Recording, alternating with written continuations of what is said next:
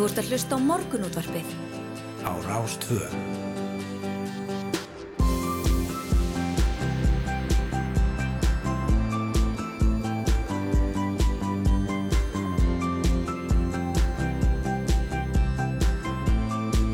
Morgunútvarpið Á Rástvö. Góðan og blæsaðan daginn, eh, Rúnar Róbertsson og Hulda Geirstóttir er mætt á vaktina, morgun útarpið á rástu komið af stað.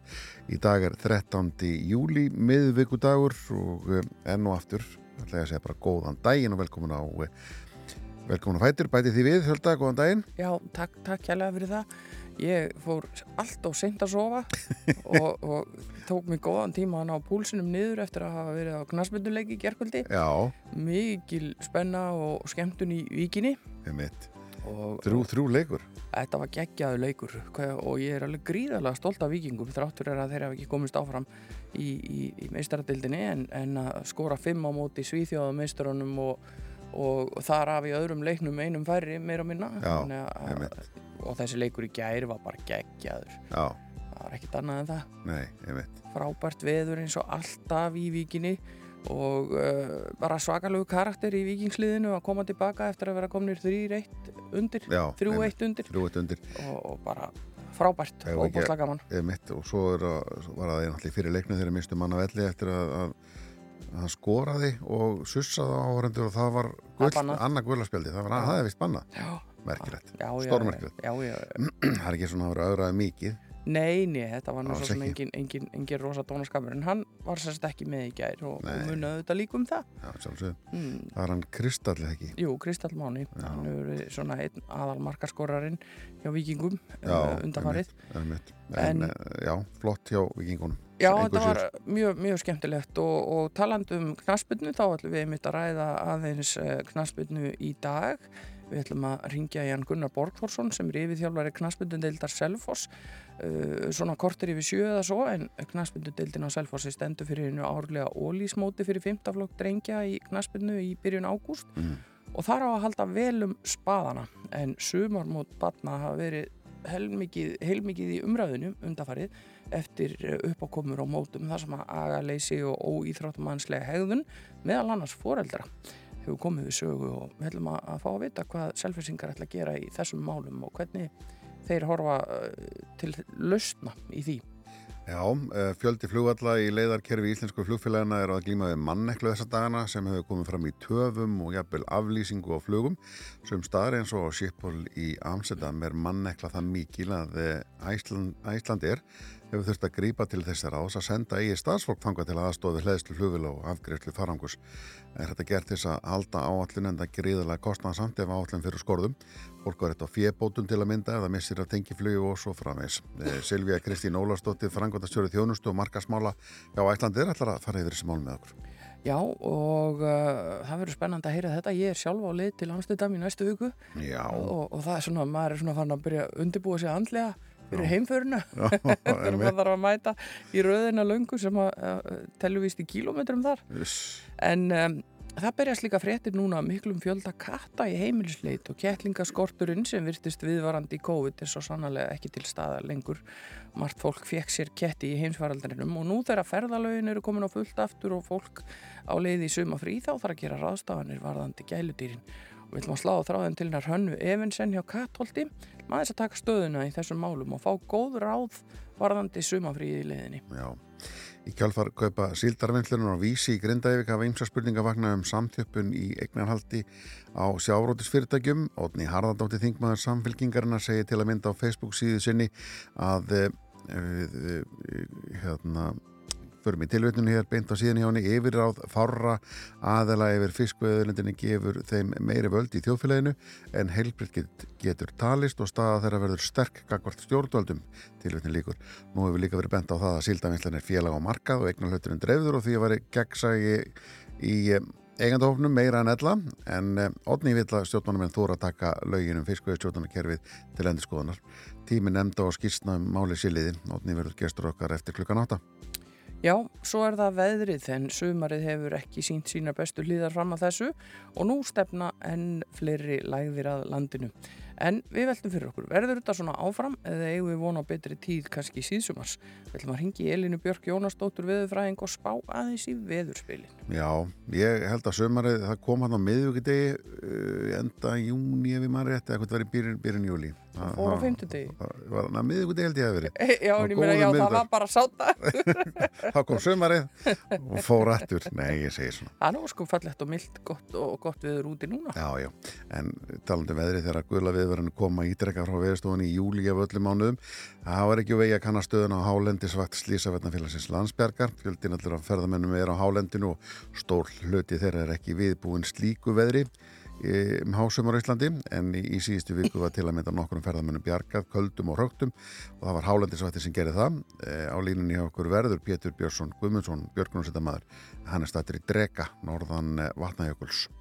Já, sem sagt all, alls konar á dasgrá hjá okkur í dag eins og vanlega en við ætlum að kíkja þess á blöðin áður en við förum í fréttinnar klukkan 7 Já. og það er hérna á fórsíðu fréttablasins er enn ein myndin úr James Webb sjónöganum og það fór þannig að áskorunin okkar hérna í gerðmorgunum að, að Sævar Helgi yrði í beitni í fréttonum Já, já, var, henni var tekið. Henni var tekið, Og- hann var í beinni. hann var í beitni og, og ljómaði þar af gleði en það er þetta alveg geggjaða myndir. Þetta eru geggjaða myndir og Og maður bara- skilur þetta ekki samt Nei, nei. Hvað erum við að horfa á? manni næri ekki dutanum en, en þetta er óbáslega heillandi. Og gaman að sjá samanbyrðamyndir á höpulsjóningunum og þessum websjóninga yfir hvað munurinn á gæðanum er eins og Sævar Helgi saði við okkur í gerðmorgun þetta er eins og að setja upp gleru fyrir þá sem að ganga með gleru já, þetta er eins og að setja þau upp allt er sérða allt mikið skýrar. Já, já, já. Talandi um það, þá glemdi ég lesklerónum ég, ég ætla að reyna að sjá þetta hérna. Hérna á forsíðu fréttablasins er verið að tala um uh, mikinn heimilislæknaskort á Íslandi. En alls 847 íslenski læknar eru starfandi ellendis en læknaskortur er hér á landi. Engum er skortur á heimilislæknum og Ísland hefur mun færri slíka en flest Europalönd og uh, það er aðeins 60 heimilislæknar á hverja 100.000 Íslendinga.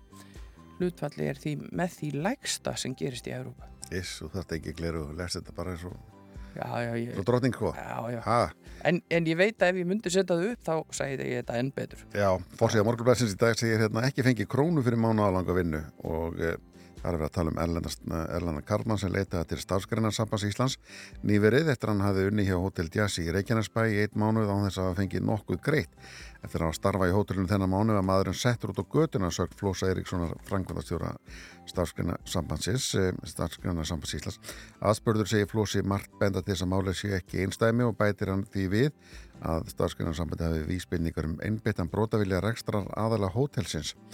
um og eh, málið hefur verið til skoðunar hjá nokkrum verkefælisfélögum eh, hér á landi síðan á förstu dag meðan hann sé verkefælis á sjómanafélagi Keflavíkur. Eh, formaður félagsins Guðbjörg Krismundsdóttir segist að það var leinulegt reynd að ná í mannin sem rekur Hotel Jazz. Það hefði ekki skilur árangri. Morgulblæði eins og að náði í hann, hann saði í sambandi við Morgulblæðið meðan á vinslu fréttar hann að stóða að þeim var að ræða miskilling að mati rekstrar aðalansmunni máli leysast um leið og hann nær sambandi við erlendamannin Já, nú hér á síðu 2 í fréttablaðinu segir frá því að hegðun Íslendinga hafi verið til fyrirmyndar í Manchester og tala hér við fulltrúa íslenska sendiráðsins á Englandi sem segir það heiður að taka þátt í skipulagningu kringum stöðningsmenn EM liðs Íslands. Hún kvíðir þó væntanlegri hitabilgju, það er nefnilega vona á Já. alveg svakalegri hitabilgju þarna og uh, drekka vatn, drekka vatn, drekka vatn alltaf með vassbrúsa í hendi, Já, alltaf stanslust og við höfum nú séð það að nú er farið að gera bara vasspásur á knastmynduleikum. Já, þegar að hittin er svona mikið, það er verður, verður, þetta verður að gerast Það er bara uh, lífsnöðsilegt en, en vonandi, vonandi verður þetta ekki svona óbærilegt eins og kannski spáin gerir ráð fyrir og það er gert ráð fyrir að hitameti í Breitlandi falli á sunnudag eða mánudag. Já, einmitt. Úff. Já, en uh, það líður að frétti mjög okkur fáum fréttir á slæginu klukkan sjö og höldur síðan áfram í, í morgunúttarpuru eldtressað vanda, hölda gestóttir og Rúnar Róbertsson ekki með velli um uh, stund. Þú ert að hlusta á morgunútvarpið. á Rástvö.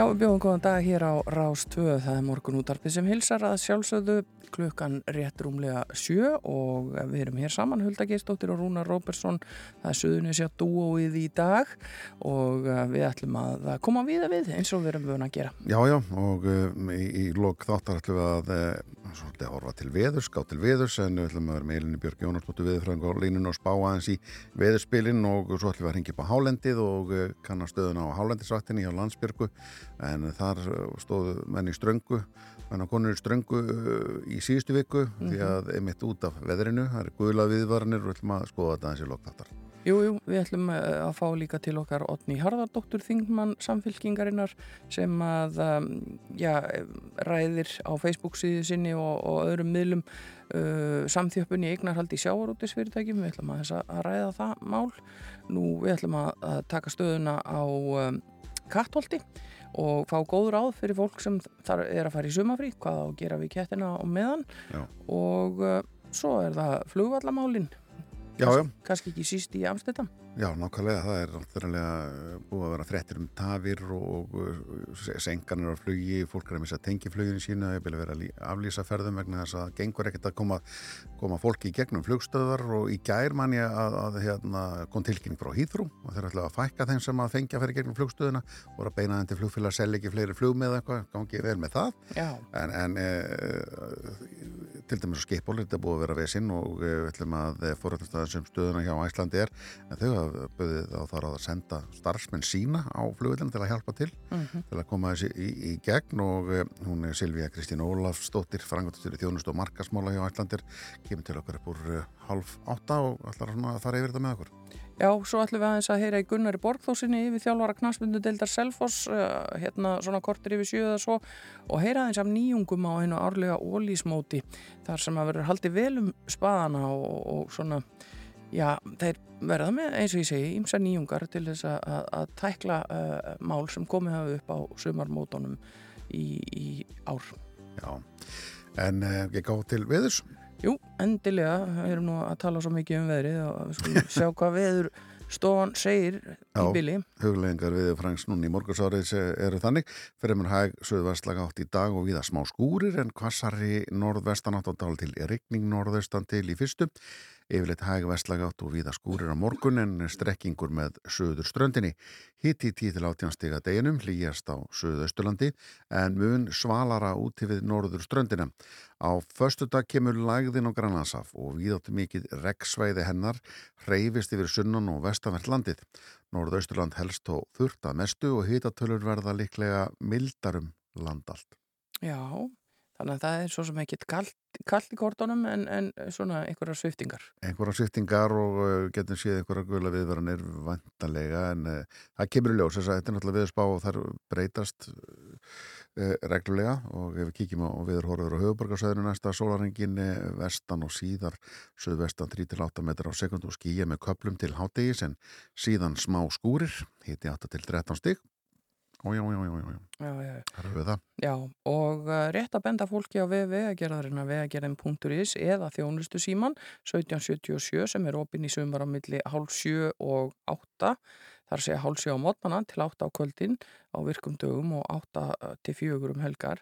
En hér er langur listi yfir framkvæmda fréttir. Þetta er auðvitað sá tími sem að verða malbygga og laga vegi og, og, og, græu gera og endilega kíkið á það uh, rennið yfir þetta svo að þið vitið af því. Já og svo er náttúrulega fyrir íbúðu höfbrukarsvæði sem keira innan borgarinnar þá þarf líka að skoða uh, frangöndafrættir ef, ef það eru aðgengilegar og við fyrir Reykjavík-borgar því það er náttúrulega ekki vegagerinn sem gerir það heldur borgin þannig að þetta geti verið sko fleiri frangöndir í gangi heldur en bara sem að sér, maður sér inn á vef vegagerðarna, bara benda það. Jú, jú, þannig að endilega kíkja þetta. Ég var nú með hérna Við talum daginn fyrir svolítið síðan uh, við uh, félaga hjá vegagerðinni Já. og þar var einmitt verið að tala um öryggi fólk sem er einmitt í þessari stöðu núna að vera að vinna á vegum úti og við skulum hafa það í huga þegar að, að við erum á ferðinni. Já, fara eftir, eftir gildir sem þeir setja upp um, um lækkun og hámársáð og annað slikt. Já, ekki spurning. En uh, við ætlum að vinda okkur í fyrsta lag dagsins. Uh, það er hljónstinn Monotown sem á það. Já. Þetta heitir Peacemaker. Closing time It's late at night. Where are you? empty heart and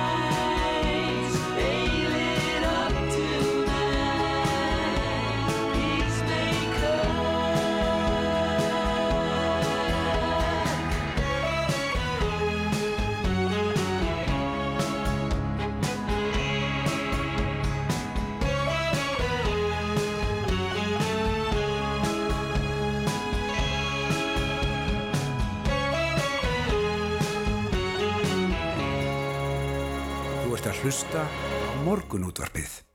Á Rás 2. Vissulega, við erum hér uh, mætt á vaktina við rúnar og uh, erum að, svona búin að vera að kíkja í blöðin og setja okkar aðeins inn í hvað er að frétta í dag. Já, já, Morgunblad segir hérna síðan er að velta fyrir sér um, COVID og tölum en 332 einstaklingar greindist með COVID-19 innanlands á mánudag og er nýgengi innanlands smita nú 1277 og uh, svona eitthvað að, að hækka verið þeirra og hérna maður heyrir alltaf að fleirum sem að eh, er að greinast. En, en eh, 1277 í nýgengi 32 á sjúkurási og einn á gjörgjöstu segir hérna COVID.is en eh, Morgunblæði segir hérna að eh, bara á sunnudaginn greindist 152 smitt á lögadag 199 og föstudag greindist smittin 350 talsins það er spurning en það er samt sem aður 350, 199, 152 spurningur til sjöleðinu niður veit það ekki en, en er þetta ekki þannig rúnar að það er samt ekki nema að brota fólki sem fer í svona alvöru próf? já, já, Ég er meina, flestir eru bara að gera heimapróf og sjá þar að þeir eru með Já. COVID og halda sér þá bara heima. Já.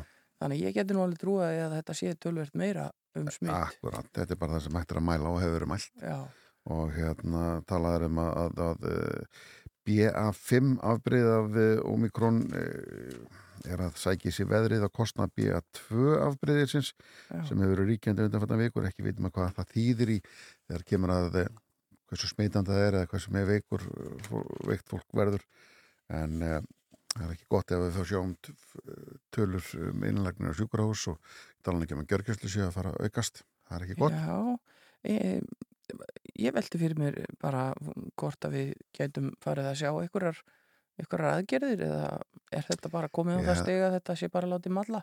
Já, það er spurning sko þegar maður skoðar grafið yfir, yfir hérna um, hlutfall jákvæðra sína Mm. af fjölda sína Mm. ef að það er einhver, þegar náttúrulega svo bendir á að fara ekki allir í próf en, en eh, fjö- hlutfall jákvæðra sína e, núna er e, 52% Já, það er svona um helmingur sem að fer í próf sem Já. fær jákvæð síni já, já, með við þessa, þetta grafin á covid.is.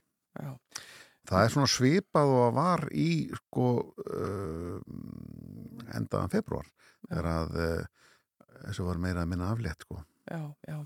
En það hefur sann stíð í, í hérna í, mið- á svona um 10. júni og þá var hlutvalli 9% já, þú sér það. Já, já, já, við höldum áfram að fylgjast með þessu. En hér rétt á eftir ætlum við að ringja hann Gunnar Borgþórsson yfir þjálfara knaspindu deildar Selfoss og heyra af nýjungum á hinnu árlega ólísmóti en uh, á leiðinni þangað heyrum við í Bastille og lægi sem að heitir uh, Shut Off the Lights.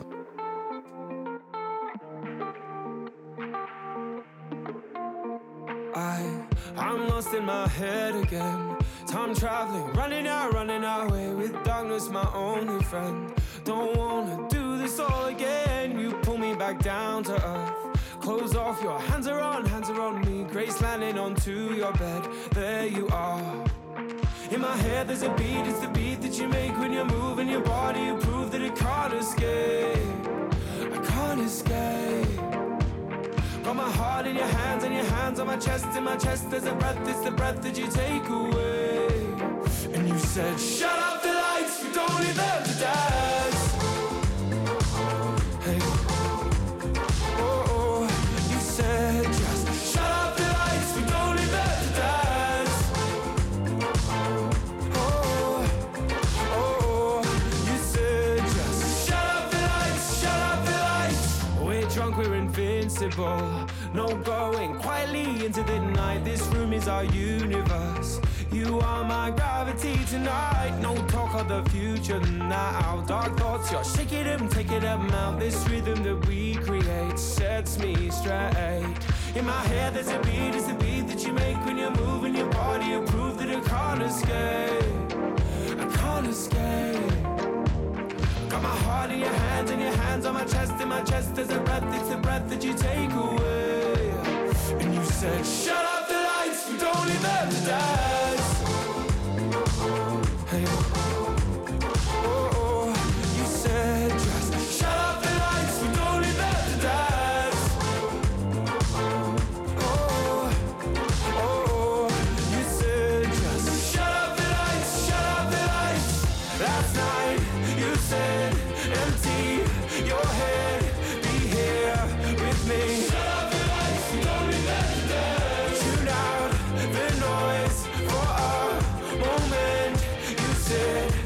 show.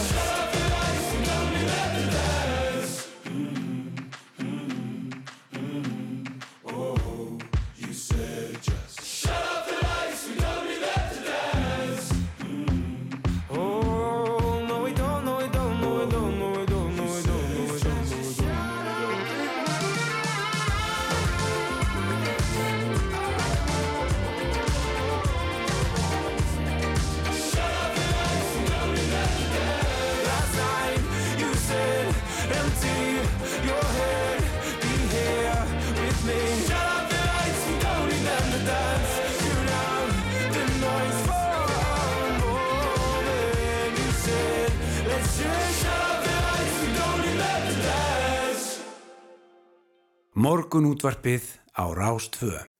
Jú, við höldum áfram hér í morgunútarpinu og uh, heyrum hér næst í Of Monsters and Men. Þetta er gammalt gott.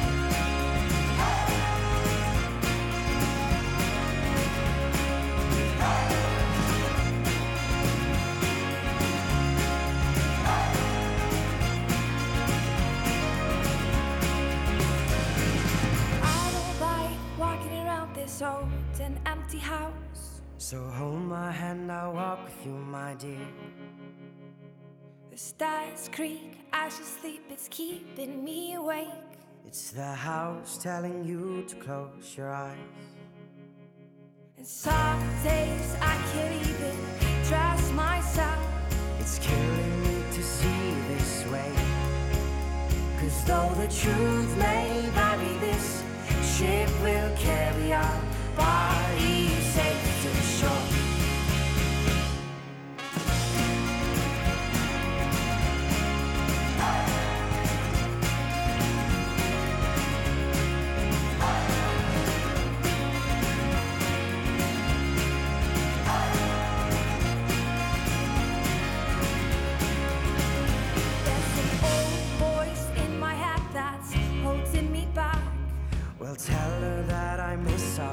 talks. Soon it will be over and buried with our past. We used to play outside when we were young and full of life and full of love. Some days I don't know if I am wrong or right. Your mind is playing tricks on you, my dear. Cause though the truth may vary, this ship will carry our bodies Don't listen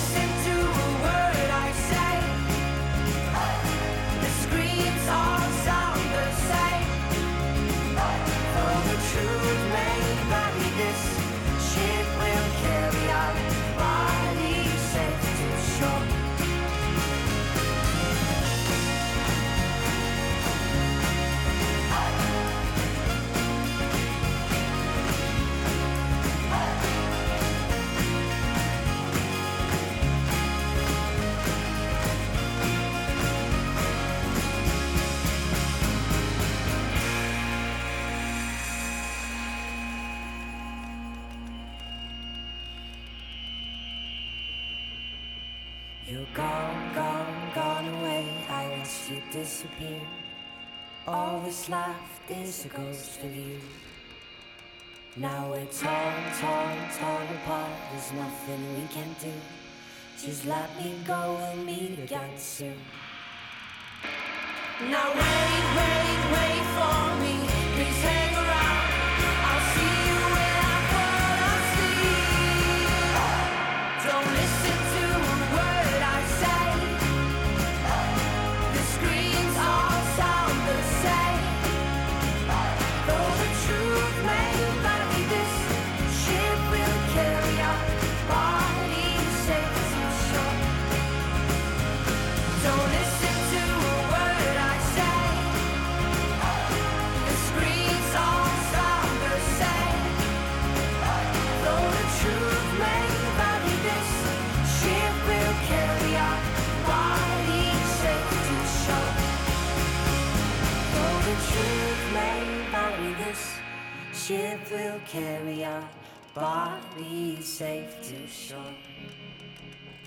Though the truth may vary, this ship will carry our bodies safe to shore. Þú ert að hlusta á morgunútvarpið á Rás 2.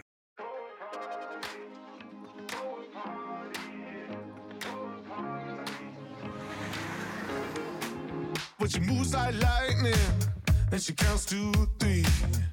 And she turns out all the lights and says she's coming for me. Now put your hands up, this is a heist. And there's no one in here living gonna make it out alive. Load it up when the sun comes down. Getaway car for two young lovers. Me and the girl straight out of town. Over the hills and undercover, undercover, undercover. She said,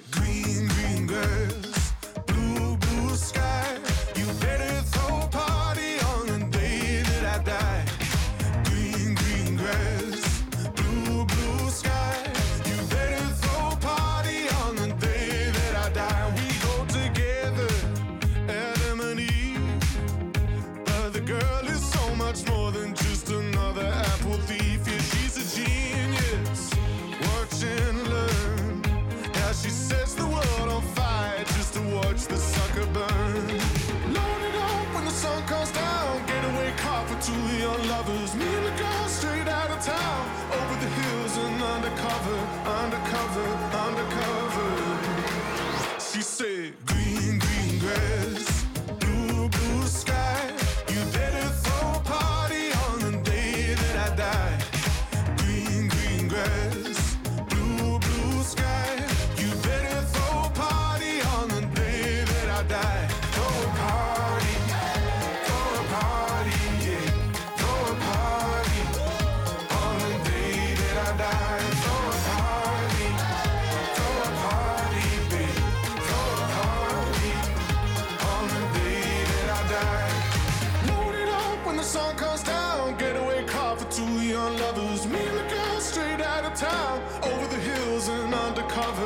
undercover,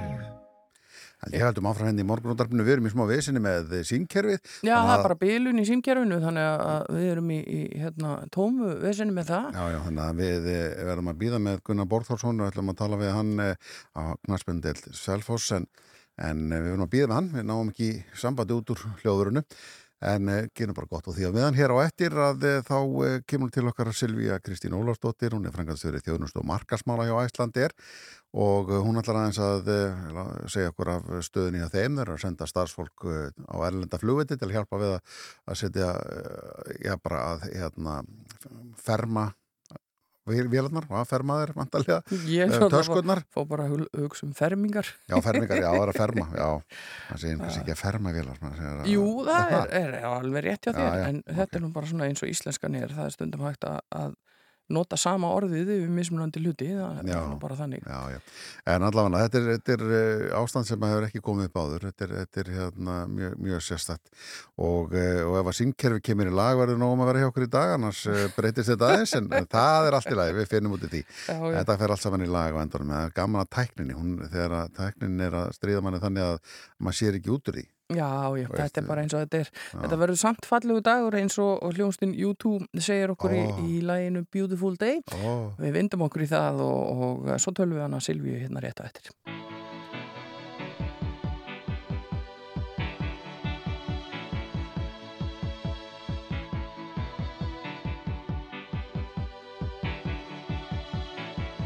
The heart is a shoots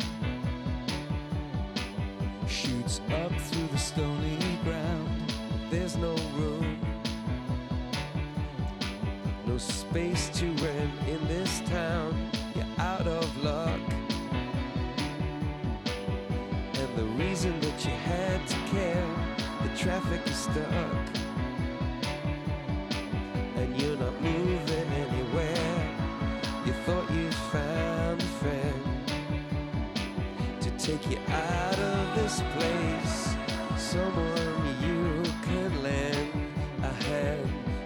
in return for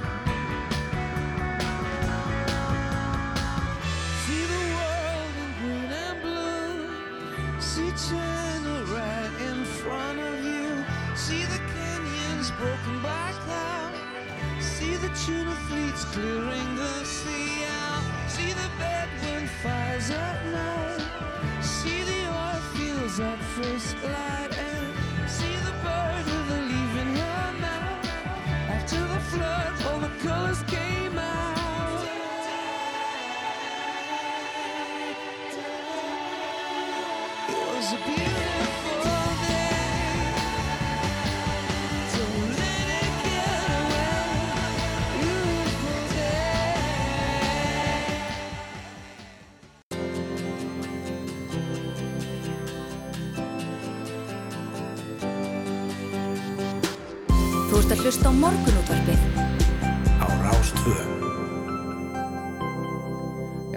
Framhaldum við hér í morgun útarpinu. Hún er að koma sér fyrir hérna hjá okkur hún Silvíja Kristín Ólastóttir, frangatastjóri þjónustu og markasmála hjá Íslandi er. Við ætlum að ræða ástandið á flugvöllum heimsins og svona þær ástafanir sem Íslandir hefur gripið til í því samhengi. Svöllum við hana hérna eftir eh, augnablík. Eftir augnablík, já, já, það er margir á, á faraldfætti og hafa kannski ágjör að því að, að þetta verði vesen. Já, en einhvern veginn leysast nú allir hlutir og Íslandíkar eru lausna miðaðir, við förum betur yfir það hérna rétt á eftir, en uh, heyrum í henni Unu Torfadóttur sem að syngur hér uh, lagið En.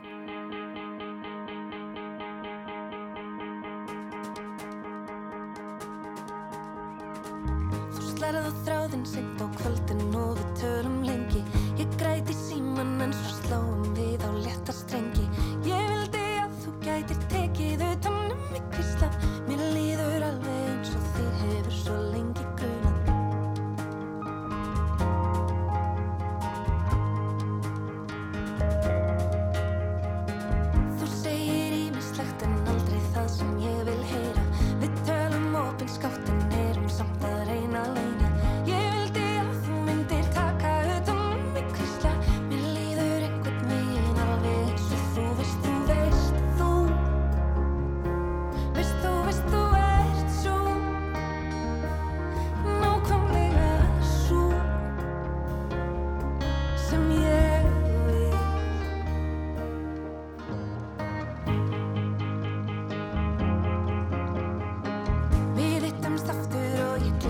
gleymi hvað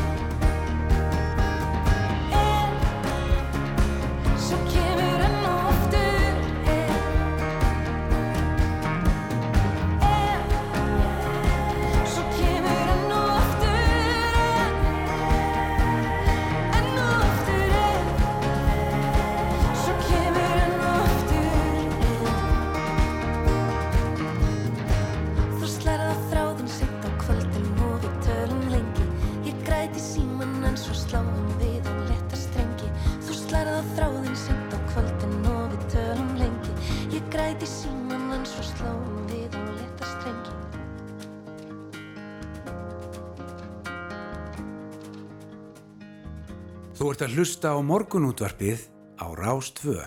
Þannig var hún Una Torfadóttir að gráti í síman. Við getum ekkert gráti í síman rúna vegna þess að símin er er eins og er. En við erum nú svo heppin að það, það koma sömur gestir í hús og að við erum hefðið komin með góðan gest. Já, Silvíja Kristín Ólafsdóttir, frangatastöru þjónust og markasmála í Æslandi er mættingað, velkomin. Já, takk fyrir það og takk fyrir að bjóða mér. Já, takk fyrir að koma aftur, en, en sko um, það er í fréttum og búið er í fréttum að þið er að senda starfsfólk á ellenda flugvelli til að hjálpa til við að, að, að, að ferma vélar og, og, og, bara passa það að verði ekki í tafir hjá okkur og jafnvel þurfa að aflýsa flugum. Þetta, er, þetta hefur kannski ekki gerst áður það, ekki svo veitir. Ekki svo ég viti. Nei, þannig að þetta er svolítið alvarlegt málorðið þegar að fyrirtæki breyða svona við. Já, það er einhvern veginn þannig hjá Æslandi er að við leysum málinn einhvern veginn, við finnum lausnir og við erum svo ótrúlega mikið að reynslu miklu og kláru og lausna með við starfsfólki sem að bregður og tekur svolítið svona í taumana og í, málinn í sínar hendur Já. og bregst svona við. Það er bara ótrúlega gaman að sjá þó í þessum krefandi aðstæðum á flugulum og, og þessar flækir sem er að myndast að við Mm. ná, erum að ná að leysa mjög margt. Já, En það er samt, eh, sko, það sem að virðist vera algengasta vandamálið fyrir utan þetta, þessi farangusmál, er, eru öryggisleitin og þið, þið getur þetta ekki sendt fólk út til að sinna því. Þið eru fyrst og fremst að senda hlaðmenn eða hvernig, Já, við höfum verið að senda hlaðmenn.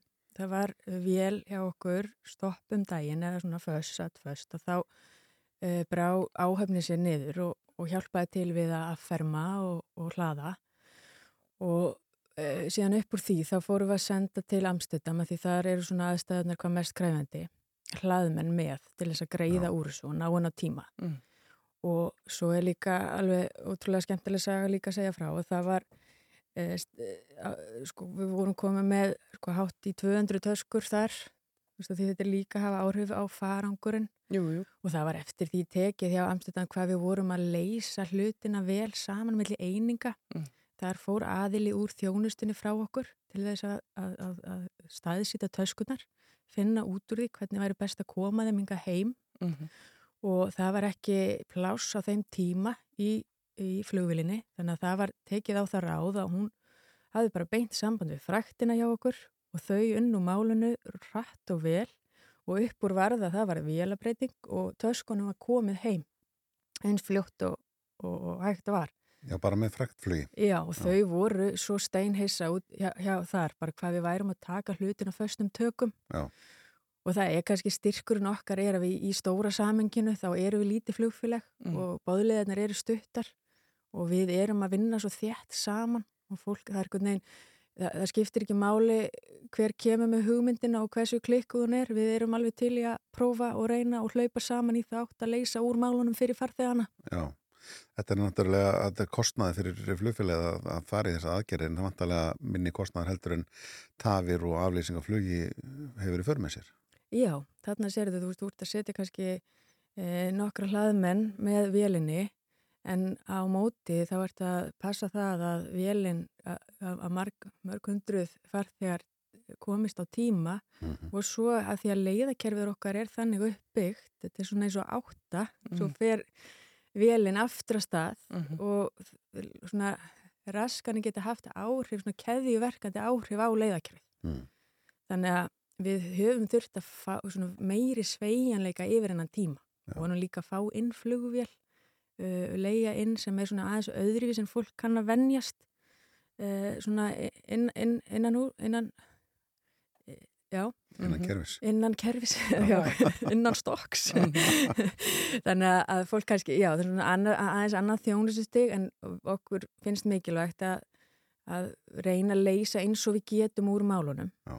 þannig að þetta er búið að vera krefjandi tími en mikil reynsla er að hjálpa okkur þarna.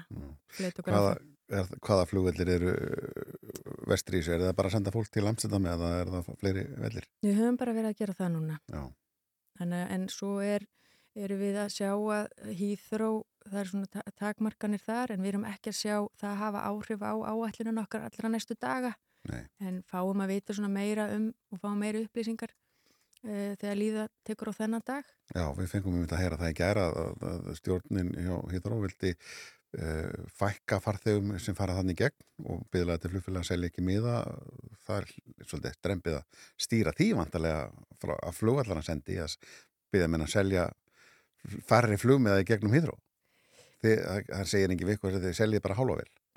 Það er erfitt. Það er erfitt, þannig að ég hef séð að EasyJet og, og British Airways er að bregðast við þessu og við Já.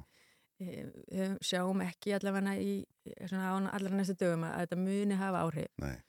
En þetta var líka á, þegar að, fyrir nokkru vikum þá bað Amsterdam flugvöldur hérna Skipol flugvöldur vildi fara í svipar aðgerðir. Þannig að við sjáum svona hvernig hvernig daga, næstu dagar verða og við upplýsum alltaf farþegan beint. E, svona, og erum með sér sniðunar upplýsingar fyrir hvern flugvöll Mm. og látum þá vita eins og Já. þegar þetta eru mikla tafir þeir sem eru til dæmis að fara til Amsterdam þau fá önnur skilabóð en þeir sem eru að fara til Arlanda Já. eða Já. til Stokkólms eða Svíþjóðar. En, en ástandið er ekki svona hér á flugvillunum okkar í Keflavík. Nei, við höfum náða að stýra því vel Mm. og erum bara vel mönnu þar þannig að þar hefur Ísafi á landamæra eftirlitið og lauruglan bara náða að gera það líka mjög vel og við sjálf. Já. Hvað má reikna með að, að hérna, e, snýst þetta um það að það er verið að þjálfa upp nýtt fólk og votta það, sérstaklega þá kannski í þessari öryggisleit. Uh, af hverju er þetta svona, tekur þetta svona langan tíma og, og er svona flókið? Er ekki fullt af fólki sem vant að vinna um allan heim?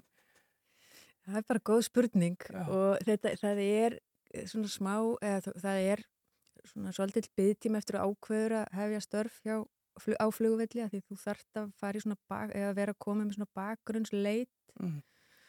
og alþjóða flugvéla samtökin þau hafa gefið út svona leiðbynningar hvernig getur, þú veist, hverjir það eru sem að eru með þetta og svona þessa vottun svo kallaða Mhm. og, og sum svona, í, í svona allavega reynslu fólkið nýri hjá Æslandir segir að Já, sko, oft hefur svona verið leist bara með því að setja hreinlega herin inn að því þeir eru allir með þessar bakgrunnsleitanir Já.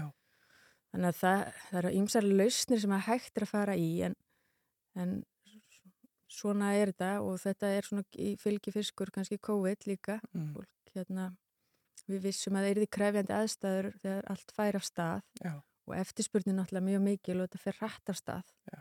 Þannig að það hryktir í stóðunum. En þegar þið eh, gerir svona eins og núna að, senda hlaðmenn út með vélunum, uh, mega bara starfsmenn Æslandi er ganga til starfa á skiphólflugulli til dæmis. Er, er þetta ekkert flóknar en það? Þetta er leifilegt. Já. Já, já. Og það, það er hægt þegar þú, og, og já, það, þetta má að því að það er þessi bakgrunnsleit sem að þú Mm. er að votta, en þetta, það er allt flókið í, flugbra, í flug, fluginu, sko. En að því að það er eitt að taka törskurnar á og af beltinu, það þarf síðan mæntalega að vera bíl og, sem að teku við þessu og kemur þessu rétta leið inn og út úr flugstöðinni og þannig að það eru fleiri lekkir í keðjunni. Eru þeir að virka með þessu eða þurfum þið að leggja þetta allt til?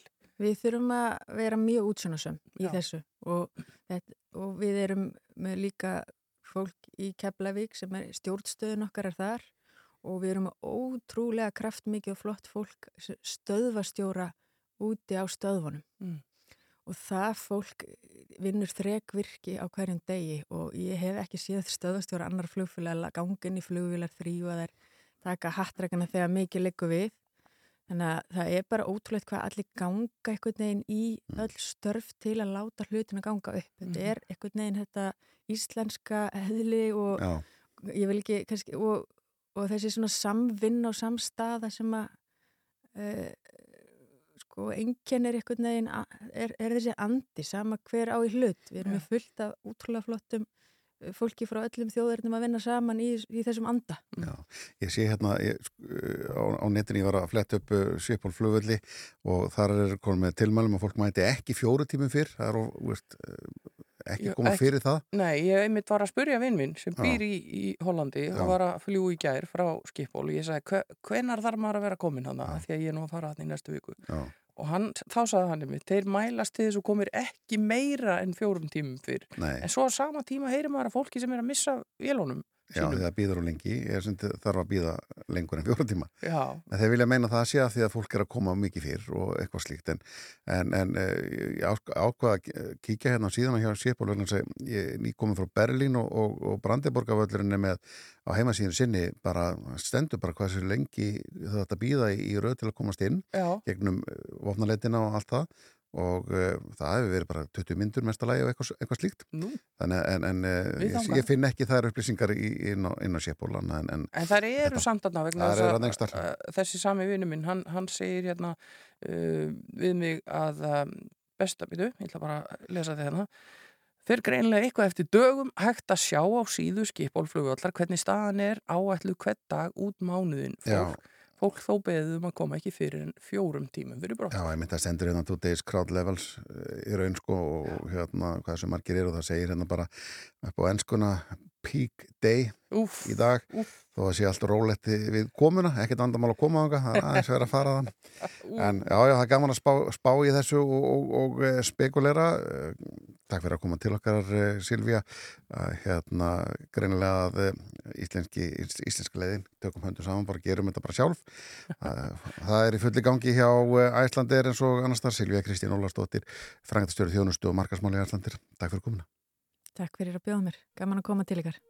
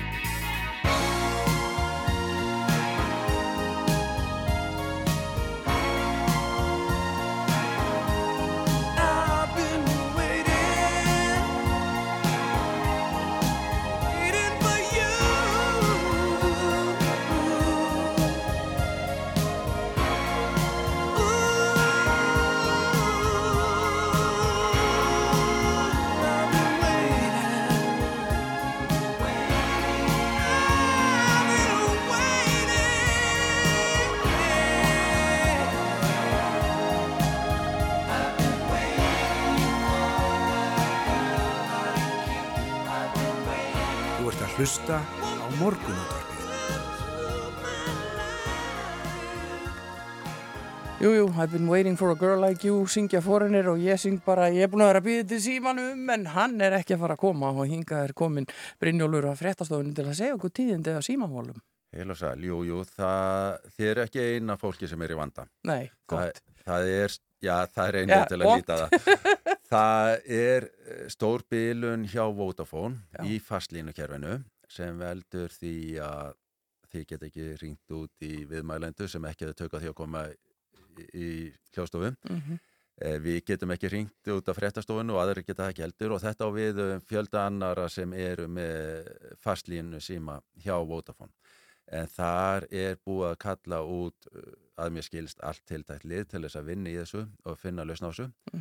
Þannig að það er bara vonandi fyrir þau okkar sem enn nota fastlínu síma að það komi sem fyrst í lag. Já, við, við vonum það. En gott að fá skýringu á þessu og, og, og að vita að það var ekki bara, uh, bara hér inni hjá okkur sem að þetta virkaði ekki. Og uh, vonandi gengur vel hjá Vodafone að, að laga þetta allt saman. Og það er þá ekki annað að gera en, en að nýta tæknina hjá fólki sem að er til dæmis með Messenger að- ringja í gegnum hann eða, eða eitthvað slíkt og Einmitt, Brynjólfur hljóp hérna út að hann er að fara að lesa áttamindur við erum Jón Matti þá. En Fengum- nánari fréttir að þessu. fengum hann til að, stökka hér inn og segja þetta því að hann kom til að láta okkur vita. Við vissum ekkert hvað var í, í, í gangi þarna úti. Nei, nei. En sem sagt stór uh, bilun hjá Vodafone í fastlínukerfinu sem að útskýrir uh, trublanir á, á uh, sími, símkerfinu og uh, kemur í veg fyrir að, að hægt sé að ringja hjá mjög mörgum. Mhm.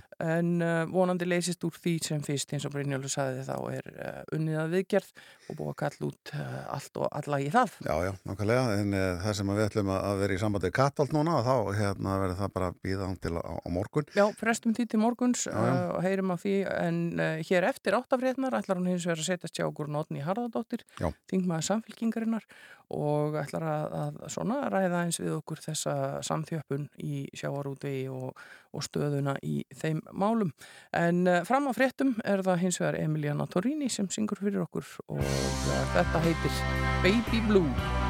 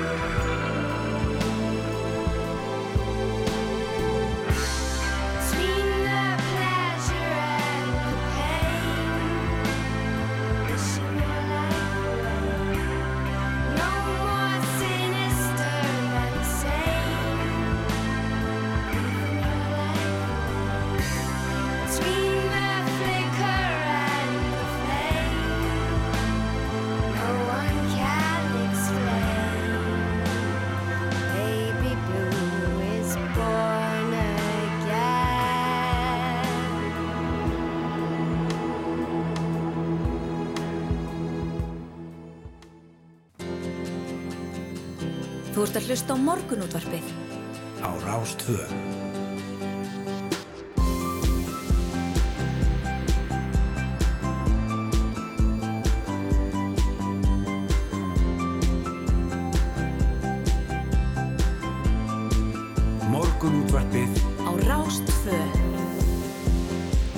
Áframöldu við er í morgun útarpinu og uh, með brós og vör núna með þeir nýjastu frettir nú getum við fara að ringja í viðmannandir sem við ætlum að ringi Já, ég laka til að prófa hérna eftir en við þurfum þess ekki alveg strax vegna þess að næsti viðmælandi uh, er komin í hús. Já, Átni Haraldóttir, þingmaður samfylkingarinnar velkomin til okkar Takk fyrir. Þú uh, fóst á, á samfélagsmiðli gær og, hérna uh, tjáði þér aðeins um kaup síldarvinlunar á vísi í Grindavík. Uh, þú talar um samþjöppun og, það er að endur skoða reglur. Þú varst með frumvarp í gangi í þingi sem að þú segir að það veri svæft. Er, ekki, er, komin, er löngu komin tími til að gera eitthvað í þessum málum eða er þetta bara allt í lægi eins og Bjarni sagði, hann sagði, sagði í gær hann Bjarni Benediktsson í Grindavík vilur ekki umfársmikil starfsemi, það er engin átt að það er ætlan að hann svo verði áfram og hefur ekki áhugir á þessum viðskiptum. Já, ég hef áhugir af þessum virkjum Já. og áhugir af þessar þróun sem að hefur átt sér stað undanfarin ár. Uh, Það hefur átt sér, átt sér stað mikið samþjöppun í greininni uh, sem dæmi þá var á fiskveið árinu 2005-2006 uh, 946 útgerði með kvota og 2019 voru konanir í 382 og þeim er enn að fækka. Já. Og það, það er sko þó að fisk, fiskur og hérna að vinna fisk og sækja fisk í, í sjóin sé svona hluti af, af sál og sögu þjóðarinnar og, og, og við bara heyrum það bara í málunu sem við notum og myndlíkingum að þetta er partur, svo stór partur af okkur. En það sem er að en það er samt þessi tortrygni og ósætti í kringum greinina sem er viðvarandi og heldur áfram og eftir því sem að fleiri svona dæmi eins og við erum að horfa upp á núna eða sér stað því meiri svona gremja kraumar undir vegna þess að kvótakerfið okkar og útlutum kvóta þetta er lokakerfi og nýliðin er nánast uh, ómuleg og síðan erfiskvótin og, og helst innan fjölskyldna eða, eða sapnast á forra hendur Mm. og, og stórútgerði malargull og sem er nú bara á gætt sko ef hún myndi skila þá sangjöndum hlut til þjóðarinn en veiðigjöldin eru þannig að þau eru til skammar, leifi ég mér að segja.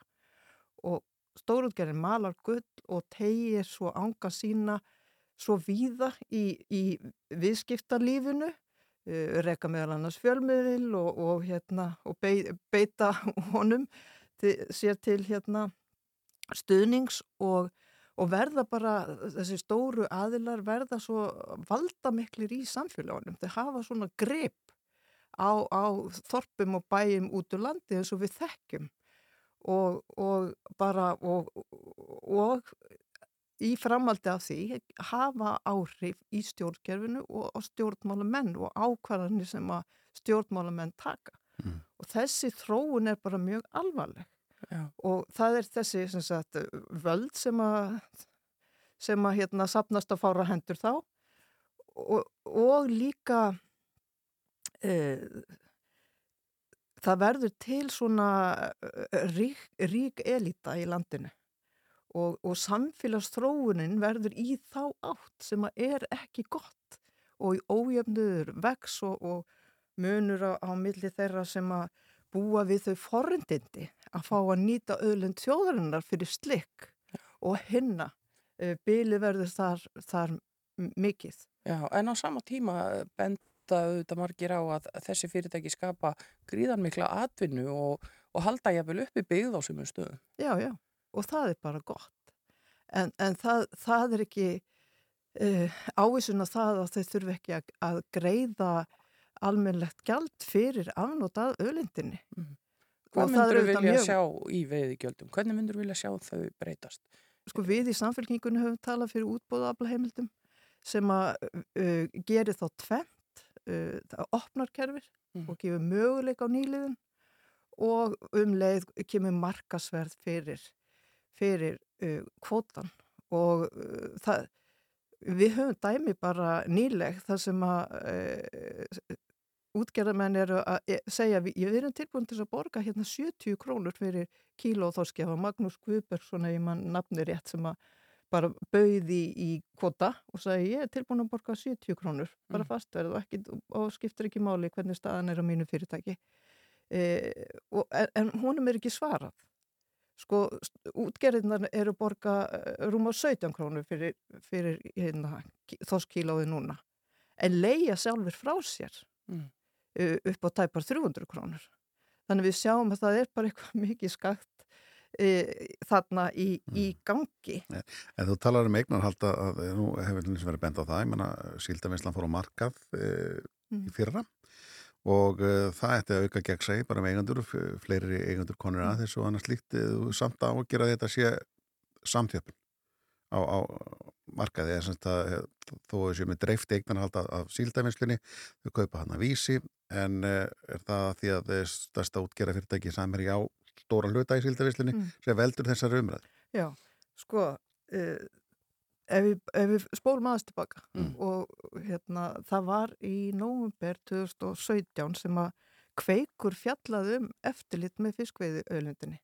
Það eru næstu fimm ár síðan og þar var uh, viðtal við þáverandi uh, fiskistofu stjóra og uh, hann sagði bara lögin uh, um stjórn fiskveiða er bara þannig, þau eru gölluð og óljós og við getum ekki farið eftir þeim. Og við getum ekki veitt þetta lögbundna eftirlit vegna svo lögin eru gölluð og þetta veitir áðunitið og, og hérna hefur verið svona um, um, um hríð og, og þetta eh, varða, varðar meðal annars eftirliti með samtjöpuna því við erum með í lögum með stjórn fiskveiða að það má enginn uh, fara með meir en 12% af útlutuðum kvota Mm.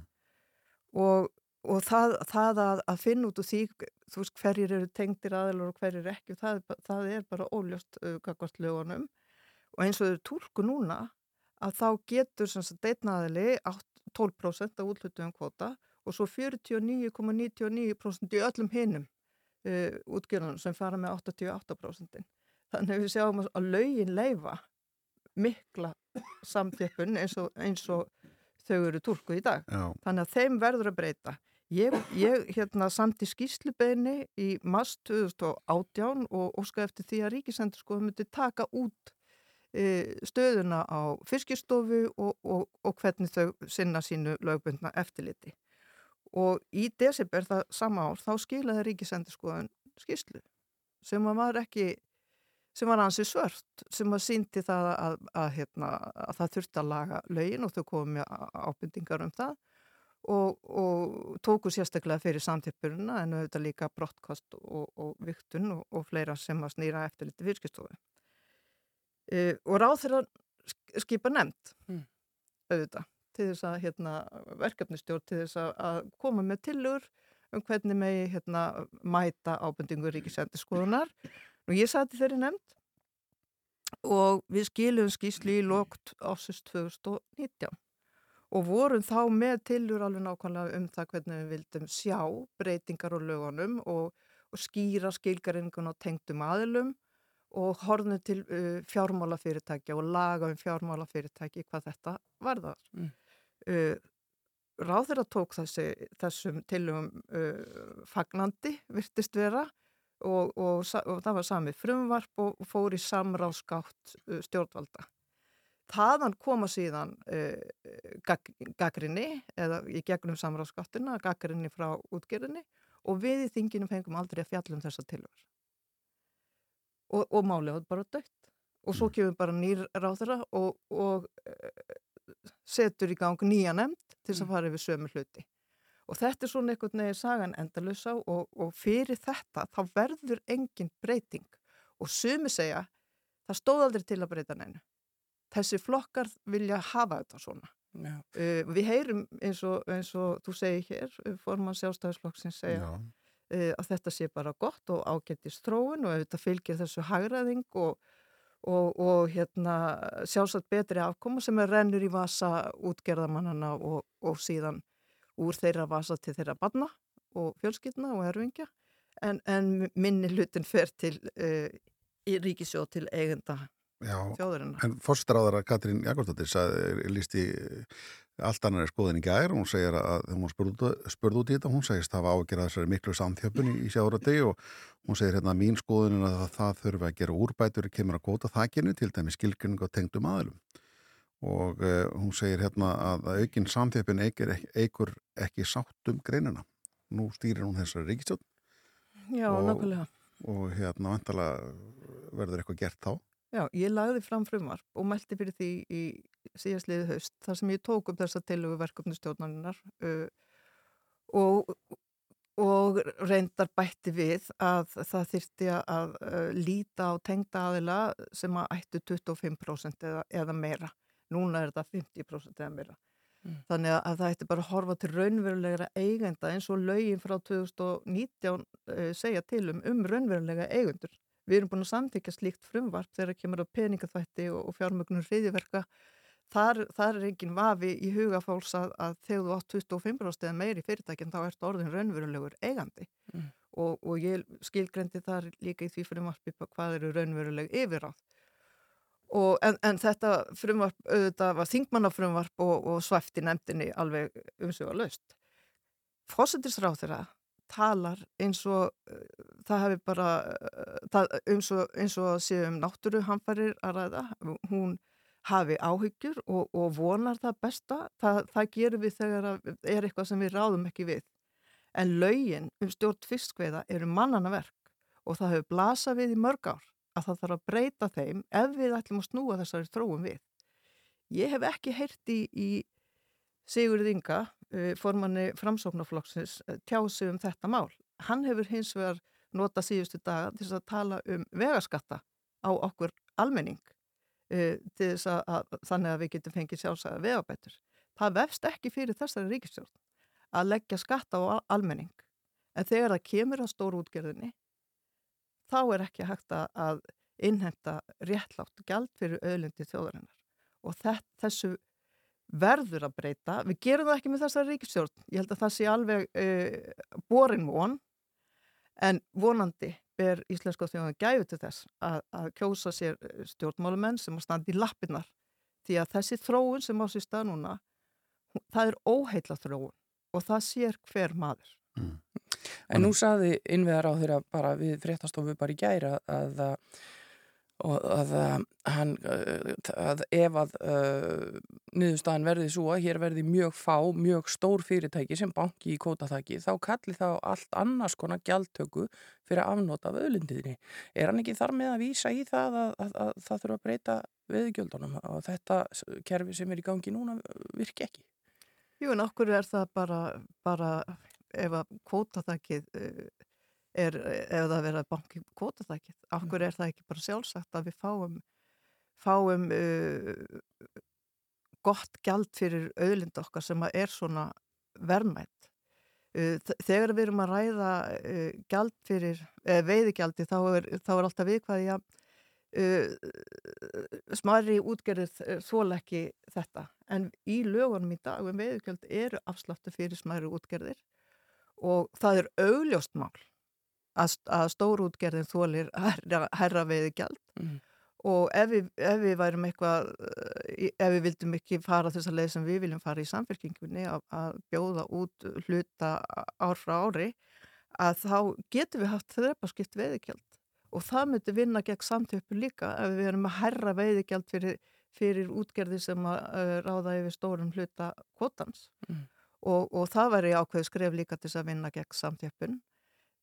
Það, þarf, það er vilji sem þarf í, í þetta verkefni mm. og það er ekki uh, nægilegt og ég vona að, að fólk sé svona eða mér er allavega brostin þólumæði sko, gagvar stjórnmanna fólki sem að segja þegar eitthvað svona kemur upp já, þetta annan nú, vakna nú spurningar um, um gjaldtöku og, og svona og svona og við erum nú með nefnt hérna í gangi við skoðum sjá hvað hún gerir sko þetta er, þetta bara það er komið nóg að þessu Já, Ásmundur Friðriksson var hérna hjá okkur í gær morgun þingmaður uh, sjálfstæðsflokksins og, og við svona spurðum hann uh, þó að viðtali væri af öðrum toga aðeins út í þetta og hann, hann sagði já, við þurfum að, að þóra að tala um þetta í þinginu og, og, og við tölum auðvitað um þetta út í samfélaginu. Þetta er einhvern veginn stóra málið í, í samfélaginu undanfarin ár og mikil umræða sem kannski svona kviknaði enn meira í eftir verbúða þættina sem að íttu svo litið við fólki.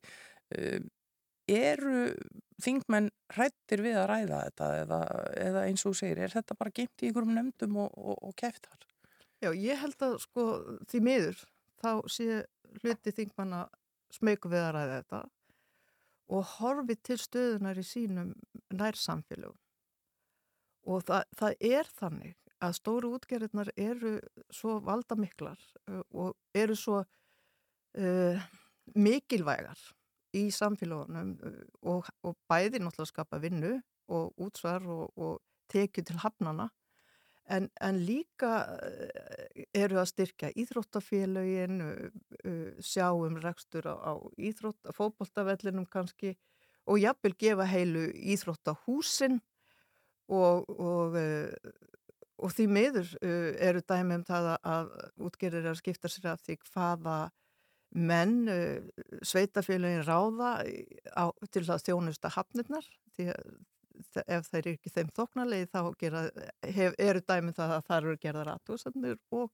sveitastjórnamennir gegna og þannig að þetta er því miður uh, stort mein í okkar samfélagi Er þetta bara spilling?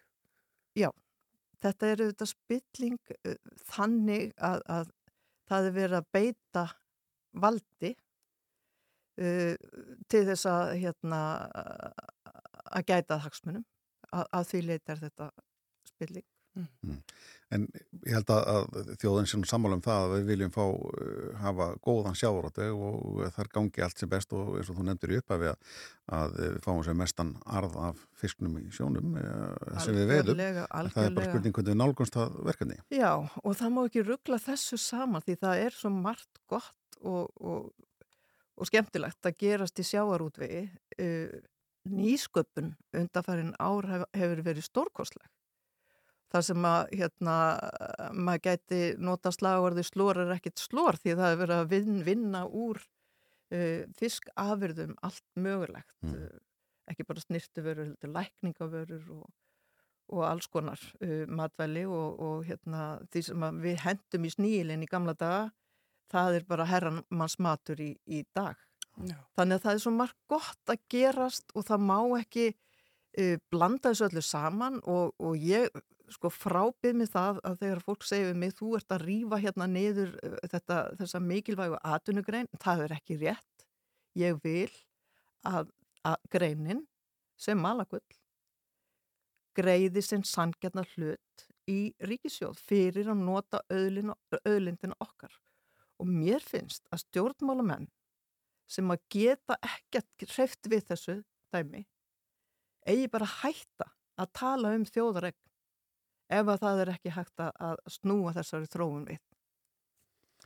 Já, ég held að þetta sé fín loka orðotni Haraldóttir Þingmaður samfélgingar takk fyrir að koma til okkar og fara aðeins yfir þetta uh, fengu við til okkar hérna sem þú varst að tjáðu um þetta á, á samfélagsmiðlum og, og mjög áhugaverður verði, verði punkt að takk fyrir að koma. Já, takk fyrir mig.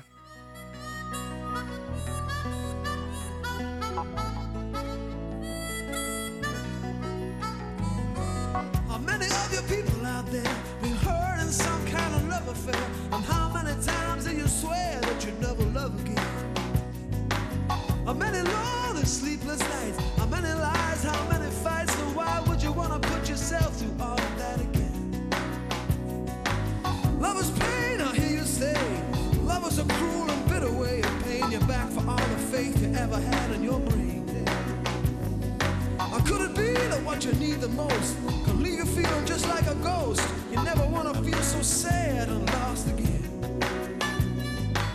One day you could be looking through an old book in rainy weather.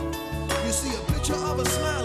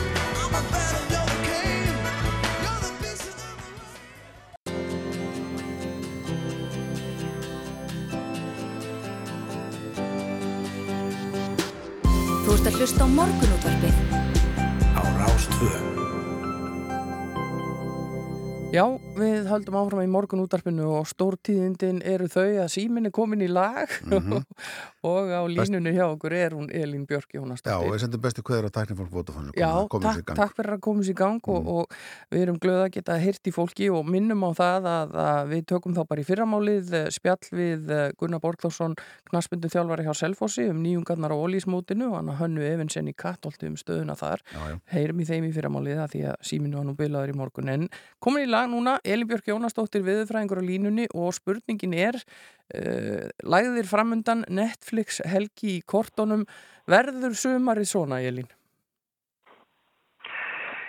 Það er nú ekkert víst, um, en ef að fólk er að býða eftir sumrunu sem var síðasta sumar, það sem var náttúrulega bara sama veður nánast í, í 8 vikur, það sem var eh, 20. hitti, hérna, ég held að það eru 30 dagir eða eitthvað, þá er það ekki að leiðinni, sko. Nei. Já, já, já. Það, það, hérna, haustar virðist snemma. vera svona upp. Nei, nei, sko, þetta er náttúrulega bara algjört væl. það, er ekki, ekki óalgengt að það komi sko einu og einn lagð á sumrin og við yfirleitt gefum alltaf út einhverju auðvarnir á sumrin, sko. Já. En eins og ég segi, veður minni okkar er nú svona tiltölulega stutt og sumarið bæði fyrra og þar áður voru mjög óvennuleg Já. og hérna þannig að, að sko það var nú kvarta mikið síðan sem var á Vesturlandi af því það var fleika skíjað en, en það var hins vegar annar hlýjasti e, júli minnum við sko frá upphæðu mælinga í Reykjavík.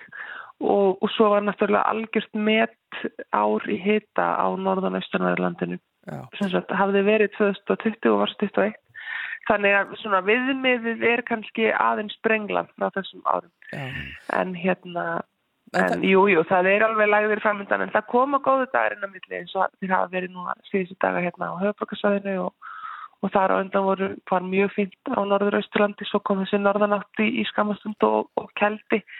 Þannig að þetta er nú bara svona breytileg veðrætta sem við erum þokkarlega vön Já, það er engar viðvarinni framöndan, sé ég, inn á vef. ekki, ekki enda á, nei, nei það er ekki, verið gefið út En en, þessi lægð sem kemur um helgina það er svona það kannski að hafa auga með henni því það þarf svo lítið til að það verði vant að vera með sko hjólísi og, og svoleiðis á ferðinni sko. Já, það er nú aðalega það sem við erum að pæla í svona þessar læðir sem eru framundan núna uh, um helgina uh, hvaða Já. svæði eru það svona uh, helst sem verða þar fyrir barðinu? Sko, það er nú uh, þær koma nú upp að svona vestanverður landinu og hvassviðrið er oft mest þar en það, þetta gengur nú yfir, alltaf yfir landi, það er svo sem ekki landsviti sem sleppur. En, en svona jafnaði þegar leiðan koma þessa leið að þá, þá er kannski einna hlýjast á Norðurlandi uh, og, og síst rigning þar en, en vindsvæðin nær sér nú svona ástrík oft sko þar líka þannig að það þarf aðeins að bara svona fylgjast með. En mig grunar sko nú er nú sko miðvíkudags morgun grunar nú að, að það verði kannski vindaviðvörun uh, svona allavega lægðin fer þá leið á laugardag sem hún viðist alltaf að gera. Mm. Það verði einhvers konar myndaviðverðin uh, á lögadaginn en, en hérna það er ekki alveg tímabært að setja út eins og staðinni núna. Nei, Nú er fólk eh, margir upp á hálendinu, við ætlum að ringja upp á hálendinu og eftir eh, og taka stöðuna Já. að hálendisvæktinni er eitthvað sem þau eru að hafa áhyggjur af þar eh, fyrir, fyrir ferðamenn að því menn Já. kannski er ekki útbúinir eins og sé haust, heldur hásumar. Í það er náttúrulega algjör miskilingur að maður, ekki, maður getur farið upp á Hálandi Íslands á þess að vera vel útbúin. Það er bara alltaf öllur að rekkföld sko, Já. með þangað. Það er alveg á hreinu. Uh, en, en það gæti orðið, jú, það er svona alveg möguleik að það verði einhver, hvað ég að segja, vósbút uh, í, á meðan úr þessi lag á lögadaginn fer yfir og hérna og bara þau sem eru á ferðinni þar og, og skálaverðinir öll þekki það þeir bara taka hérna veðrið og ráðleiki fólki að, að býða af sér eða, eða, eða breyta tímasetningum sko. En hérna en það er tilþurlega hlýtt í þessu þannig að ég, sýnist nú ekki að það ætti að vera einhver slitta eða slíkt sko á Hollandinu eins og var hérna í síðustu viku. Og það var það sem að kannski gerði gerði þetta svolítið slemt sko Já, Já. ég sé hérna í, í spánni fyrir lögadaginn að hitti verið á bylunum 10 til 18 stug og hlýjast á norðausturlandi, það er nú ekki allslæmt. Nei, nei, eins og segja, það er svona sem hjúka þeir sem kemur með sunnanáttinni sko, að, að hérna, þá, þá er svona kannski rakara loft og skíða sunnan til og svo, svo rýfur hann af sér leðinni norður og, og hérna og síðan hérna fer þessi læðinu svona tilfélag fljótt hjá en, en það er út fyrir einhverja úrkom síðan á norðanverðu landinu uh, eftir, eða svona sunnudaginn og eftir helgi og þá er líður á sunnanverðurlandinu þannig að eins og segi breytingin svona kannski frá því sem við vorum orðinu við enn síðasta sumar var einhvern veginn fólk að teki veðrið á mánudegi og, og farið af stað og hugsa ekki meir um það sko en hérna það er ekki alveg það er ekki alveg þannig Nei, það er ekki bóði þetta sumarið. Takk Elin Björk Jónasdóttir fyrir að vera á línunni hjá okkur hér í morgunútarpinu og spá aðeins í veðri með okkur. Við hefum nú sjálfsagt eftir að fá að heyri í þér eða kollegu þínum svona til dæmis þegar nær dregur vestlunum eh, fyrir utan kvótamálinn sem við rættum hérna áðan þá er veðrið auðvitað alltaf stóra málið í samfélagsumræðinu á Íslandi. En Jú, jú. eh, takk kjærlega fyrir þetta og eh, gangi ykkur vel í ykkar störfum. Takk fyrir spjallið. Takk, já, Takk fyrir það. Hér á eftir allir við að ringja uh, í hann Pétur Björnsson Guðmundsson, hann er björgunarsveitamæður og er að hálændisvættinni hjá Landsbjörg. Hann er stattur í Drega norðan Vatnajökuls. Heyrim í honum hér eftir eitt lag eða svo. Já, og það er auðvitað lagið sumar hvern einasta dag og með mannakotn.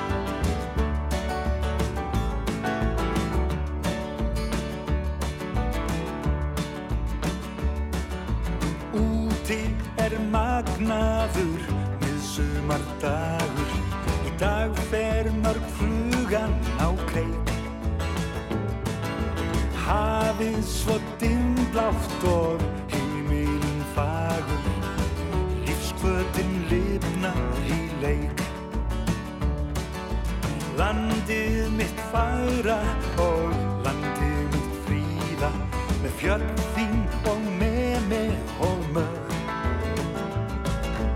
Fjallkonan skelfum hún illa í það. Tvö þúsund og fokkin sjö. Sól er í minni og sól er í sinni. Blúsinn hann sefur í dag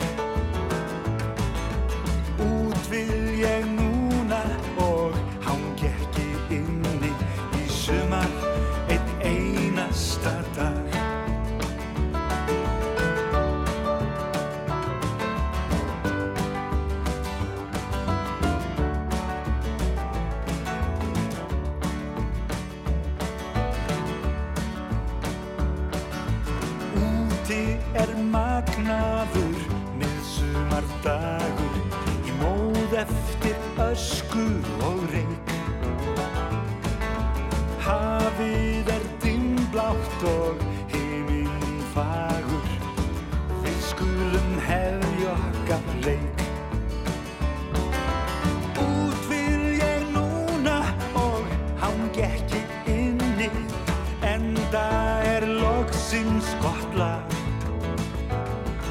Ef sól er í minni og sól er í sinni Er sumar hvern einasta dag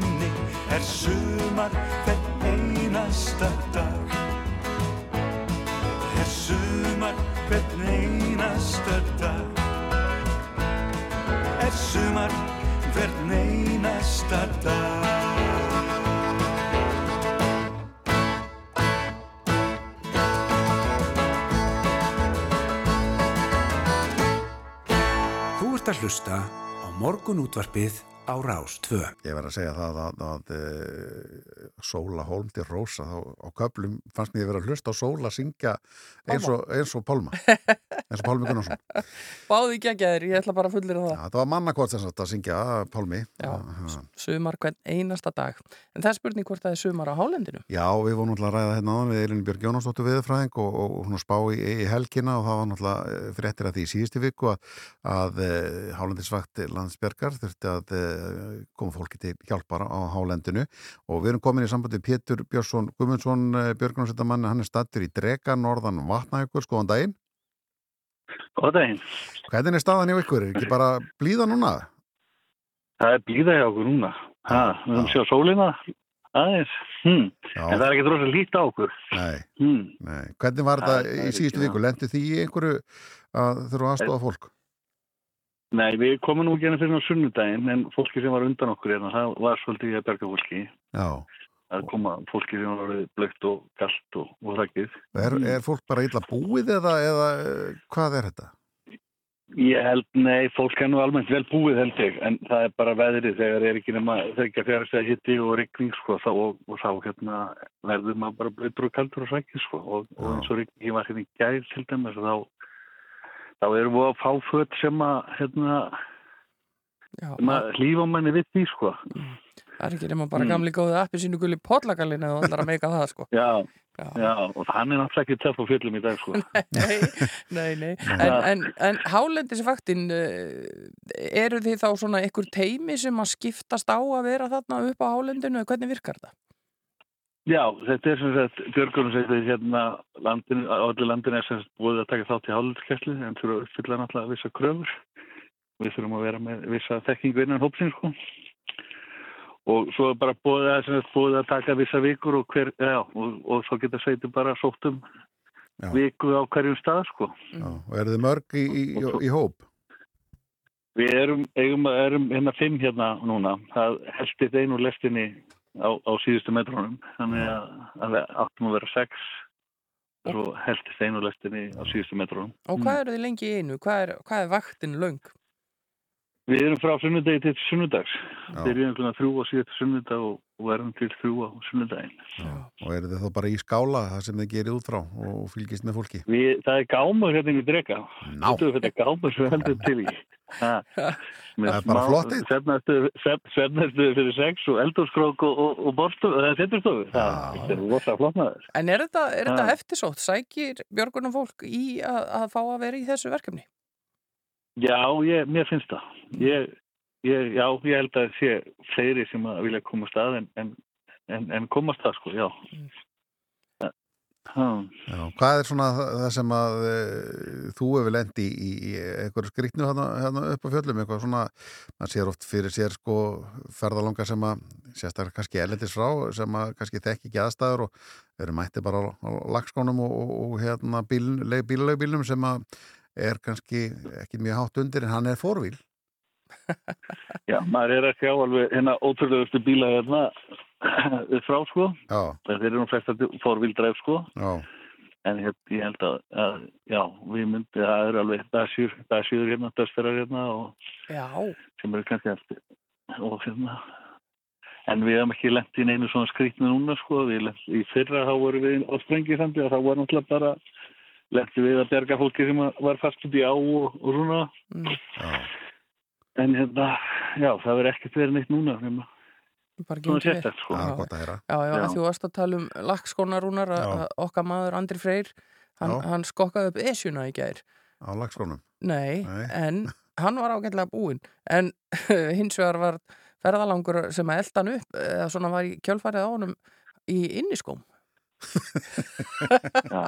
þannig að það er ímislegt hægt en, en við mælum kannski ekki með þessum búnaði Mæ, Pétur. mælum ekki með því nei, Nei, við má- mælum með því að vera vel búin Já, og náttúrulega að hérna að fara inn á safetravel.is og skrifa ferðáhallanir sko. þannig að Já, við getum fylgst með fólkinu hver það er sko.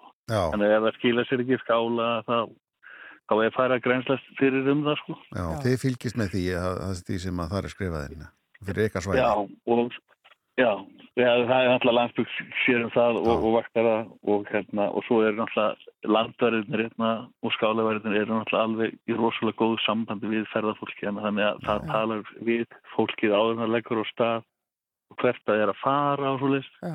og svo eru þeir í sambandi náttúrulega við skálaverði í, í næstu skálum hvort að fólk skila sér ekki örgla í skálana sem það sagði eftir að fara í sko. Já. Þetta er þannig alveg að, þannig að Já, ég ætla að Þannig að segja skálaverðinir og landarinn er, er að gera alveg ótrúlega mikið starf sko og, og svo leið og fólk skila sér ekki í skálana sem að, að þá er það að grænstast fyrir um það sko. Já, þetta kallar maður alveg mm. þjónustu til háburuna fyrirmyndar. Já, já, og nú eru uh, lægðir í kortónum, uh, stefnir í, í, í leiðinda viður um helgina. Eru þið þá að gera einhverja sérstakar ráðstafanir eða bara alltaf klár? Við erum bara alltaf klár held ég, ég segi það. Hmm.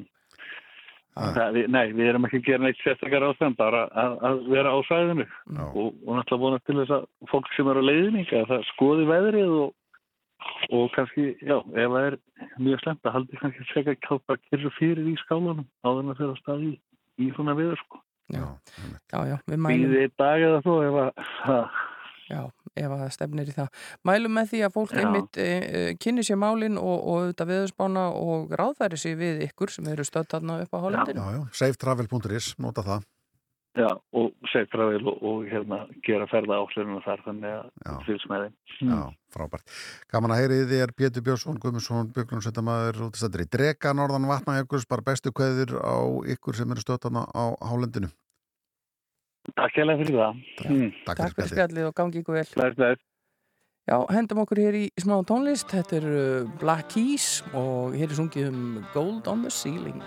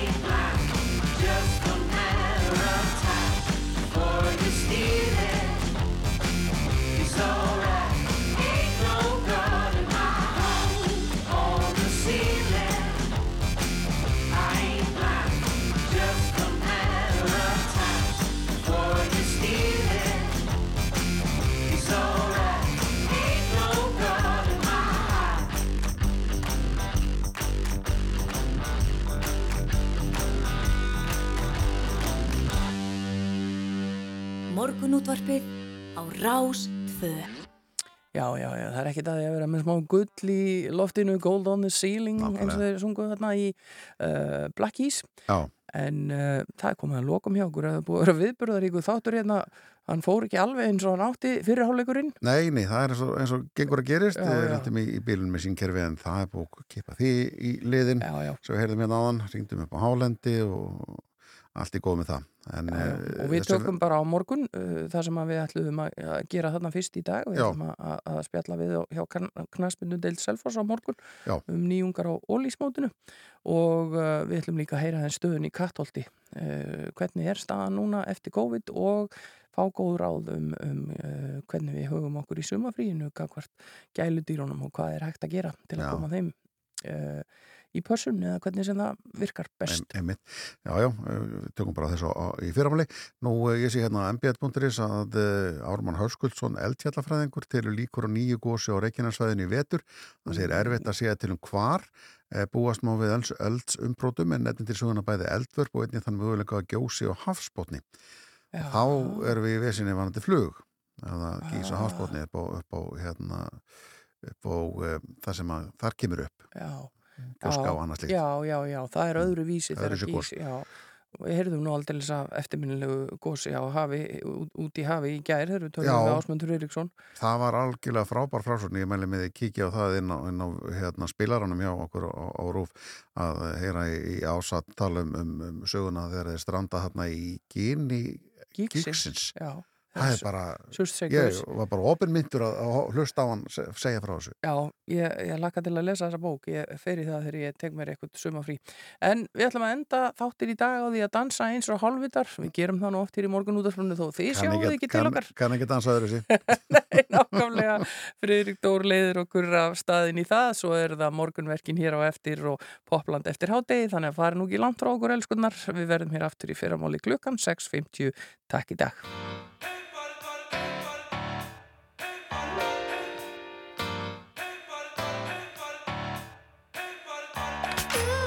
er aldrei minniskikkanlegur Ég veit að kemur betra veður Sýst allt um hrættræna En hún er ekki voru veður.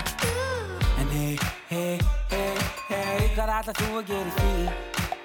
Hei, hei, hei, hei Hvað ætlar þú að gera í því? Ég gerum bara eitthvað gott og gerum það saman. Mér er alveg sama hvað bara það er gaman Svífum saman eins og poppis á hlífinni. Brotlendur þegar hún týnist í hlífinni. Fljúum saman eins og dúmba á eirunum Gerum eitthvað gott sem fólk var að heyra um. Gerum eitthvað gott sem fólk var að heyra um. Gerum eitthvað gott sem fólk var að heyra um. Dansum eins og hálfvitar Það er miklu betra að missa sig en missa það. Hristum okkur sig í takt. Og ef við þá sorry með það. Skrá engar aðtíð og sendir. Ég veit að kemur ei heim sendir. En það er margt sem er böndir Til þess að guðum minn sé kvendir Hún er kona baby. En hei, hei, hei, hei Hvað ætlar þú að gera í því? Já hei, hei, hei, hei Hvað ætlar þú að gera í því? Ég gerum bara eitthvað gott og gerum það saman. Mér er alveg sama hvað bara það er gaman Svífum saman eins og poppis á hlífinni. Brotlendur þegar hún týnist í hlífinni Fljúum saman eins og dúmba á eirunum Gerum eitthvað gott sem fólk var að heyra um. Gerum eitthvað gott sem fólk var að heyra um. Gerum eitthvað gott sem fólk var að heyra um. Dansum eins og hálfvitar Það er miklu betra að missa sig en missa það. Hristum okkur sig í takt. Og ef við sorry með það Ef að þú vilt dansa eins og drottningin í draginu máttu það? Ef að þú vilt dansa eins og fylarinn á þakinu máttu það? Og ef að þú vilt bara sófa dilla þér með læginu máttu það? En ef að þú vilt dansa eins og famaður í fæinu máttu það? Dansum eins og hálfvitar Ami klubek, ami sasi, ami sahra